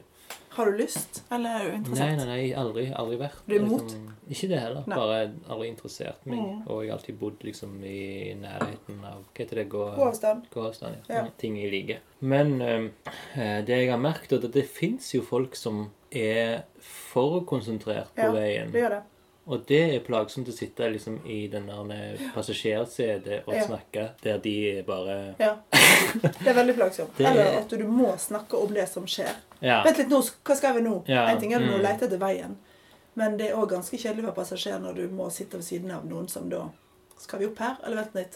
Ja, der står det skilt. Ja. Ja, nå skal vi rundt her. Mm. Ok, ja, her var det, var det 60 her? Så skiltet? Men du kan liksom ha en helt fin samtale sånn som jeg vil deg nå, i en bil, liksom. Mm. Uh, kanskje ikke hvis jeg liksom første gang kjører bil i uh, Barcelona. Men, da må du jo konsentrere deg. Men, uh, men jeg liker å kjøre bil. Og eh, jeg kan liksom kose meg litt når jeg er hjemme på vei, sommerveiene hjemme i Hardanger og Odda. Ja. Der jeg kjører på de veiene jeg kan inn og ut, og veit hvor jeg skal kutte svingene og sånn. Da er det litt sånn mm, Herlig. Da var vi her igjen. Det er så fint. Ja. Det er mye bil her nå. Jeg trodde ikke det skulle bli det, men eh, Men du kom syklende i dag. Og Ja. den, eh, hva syns du om sykkel i forhold til bil? da? Så sammenligner de to tingene. det mest korrekte ville jo vært å oppvurdere sykkelen noe veldig. Men eh, Er du god å sykle? klarer å snakke samtidig. Eh, Nei, altså, ja. Jeg er ganske god å sykle. Siden du sier du er god bilist, Ja. så respekterer du sikkert bil, andre bilister når du er Ja. syklist sjøl. I syklistens eh, Ja. Jeg, da, ja, jeg, jeg er ikke noen sånn eh, sykkelstiagitator, eller liksom bare taler Mm. syklistenes sak, og at eh, fuck bilisme, liksom. Eller, eller For du setter deg sjøl i bilen mens du er Ja, i- på sykkelen. jo Det skal jo sameksistere, dette her. Ja. Noen skal sykle, og noen skal kjøre. mm, Og vi kan være for at eh, vi skal få ned biltrafikken. Men eh, i lang, overskuelig framtid så vil det være fotgjengere, syklister, barnevogner, biler, mm, sparkesykler og moped, moped og rullator. Disse skal sameksistere. Sant? Så da må man finne en måte å, måte å, Mm, å uh, få det til å gå på. mm, Og da må alle gi uh, Ja. litt. En annen ting som er nydelig i trafikken, er når du kommuniserer med fremmede i en annen bil for å få trafikken til å flyte, syns jeg. Altså Ja. folk som på en måte venter, som vet at en rundkjøring, hvis det er litt kø, mm. så eh, slipper du inn én fra den som kommer i det motgående kjørefeltet.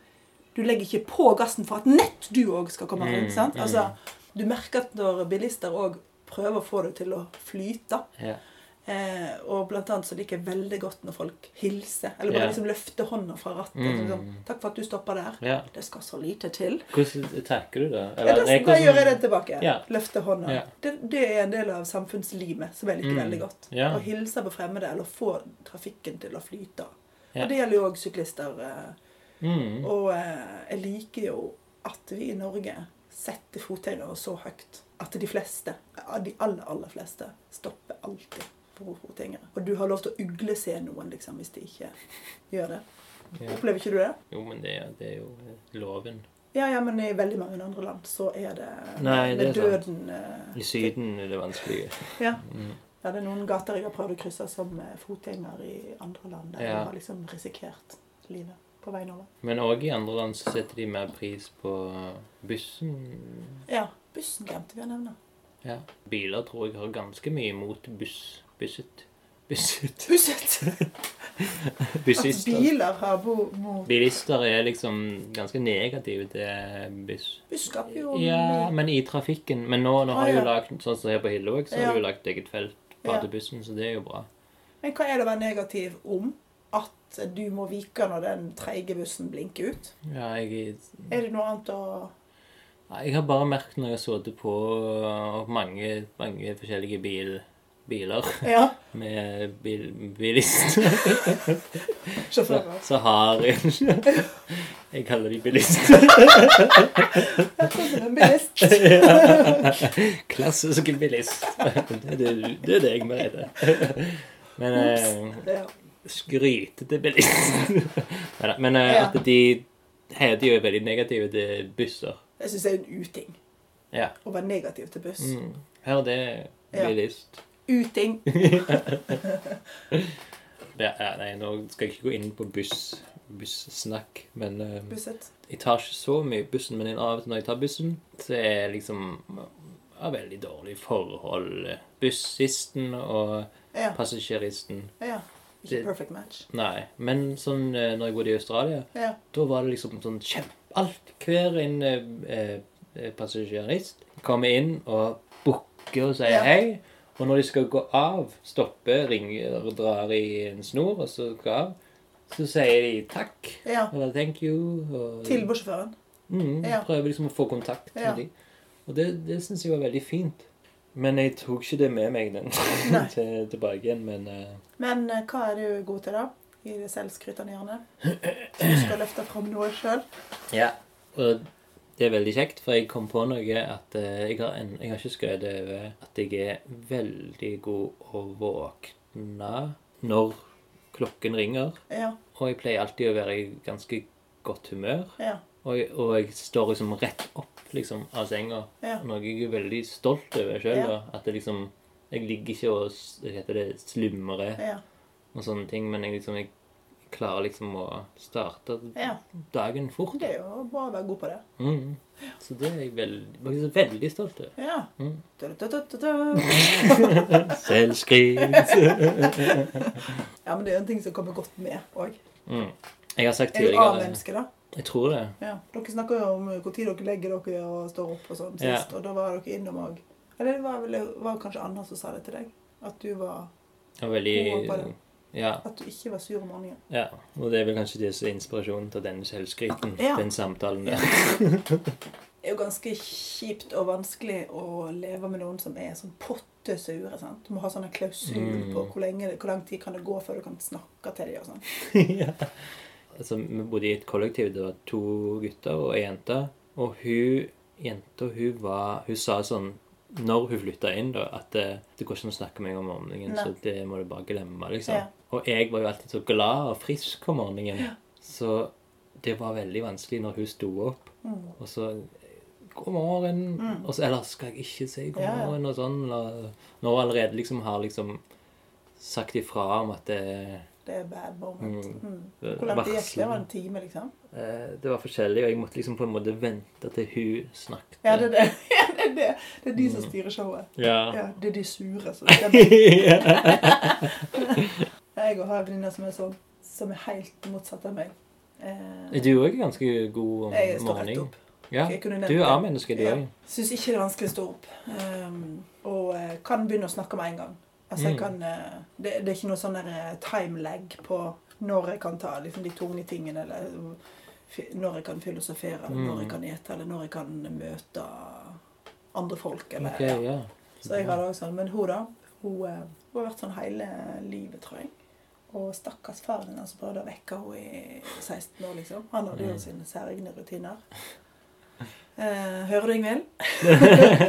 Men eh, der måtte hun vente til hun var klar. ja. Noen ganger så husker jeg vi var på ferie. Jeg husker spesielt hun kom på besøk til meg da jeg bodde i Provence. Så var vi på en tur til Digne, et eller annet sånn lite sted eh, nord i Ja, det er fremdeles i Sør-Frankrike. Jeg husker ikke helt hvor langt vi dro. Men eh, Din. Dinj, Å, ja, ok. Digne. Mm. Det er jo mange, Jeg kunne valgt mange episoder, men jeg husker akkurat at vi gikk rundt Oi. der. Oi, Ups. mye svelling. Beklager. Klipp Eh, Ja. Og så på din. i din, din Le Bain, tror jeg det var. OK, ja. I alle fall så leita vi etter et museum, og vi hadde spist frokost, så det var etter det. Og eh, vi gikk langs en sånn landevei alene, det var ingen andre folk der, og vi leita etter det. Eller vi gikk mot det museet som vi skulle på. Mm. Og det var utrolig kunstig for meg å ikke snakke. Det er min beste venn som går der, liksom. Men hun, det Ja. er så tidlig på morgenen at hun snakker ikke ennå. Så vi gikk helt stille.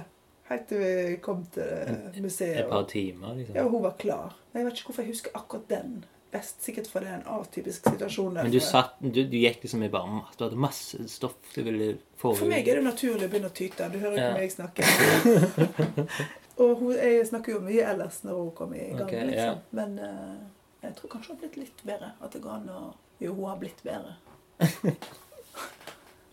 Men om du Har du liksom Jeg vet ikke hvor jeg leste dette, men jeg husker jeg ble så lei meg når eh, jeg fant ut Eller kanskje det til og med var på vg.no at jeg leste at eh, B-mennesker var mer intelligente enn A-mennesker. Ja.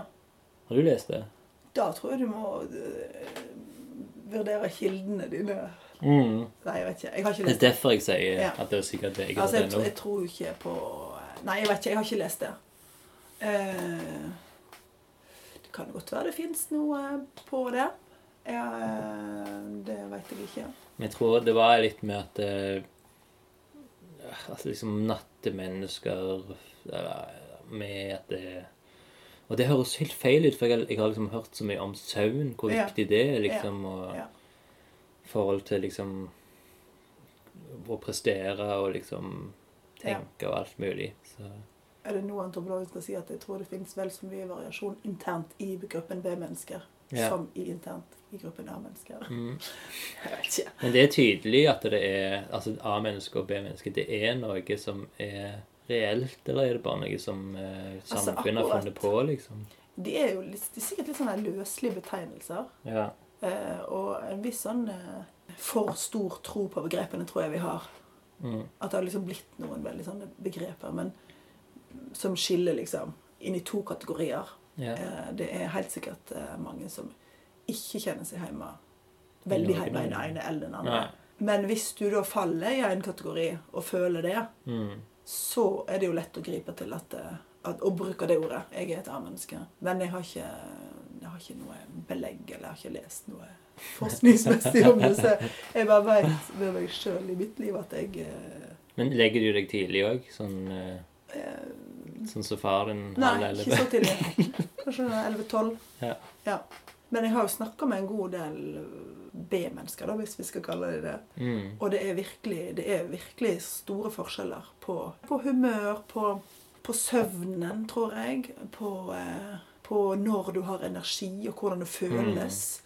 eh, Å være trøtt, eller når du har energi. Eller, ja. Ja. Eh, Og jeg skjønner jo at eh, altså Vi kan jo være litt sånn plagsomme i deres blikk, hvis du bare skal sette opp to kategorier. ja. Det må være utrolig plagsomt at noen kan eh, ta opp tråden fra gårsdagens eh, diskusjon med en gang om morgenen. Hvis du har eh, mest lyst til at det skal være stille en time. Men så er det òg plagsomt for oss hvis de plutselig skal ta og snakke om noe klokka tolv, da. Om natta. Sånn midnatt, så Mm. Ja, ja. er de på sitt Ja. beste, liksom. Eller da er de mest Eller jeg vet om de er da de er mest mottakelige for informasjon og sånne ting. Så Ja, hun er flink om natta, hun er Mm. venninna mi.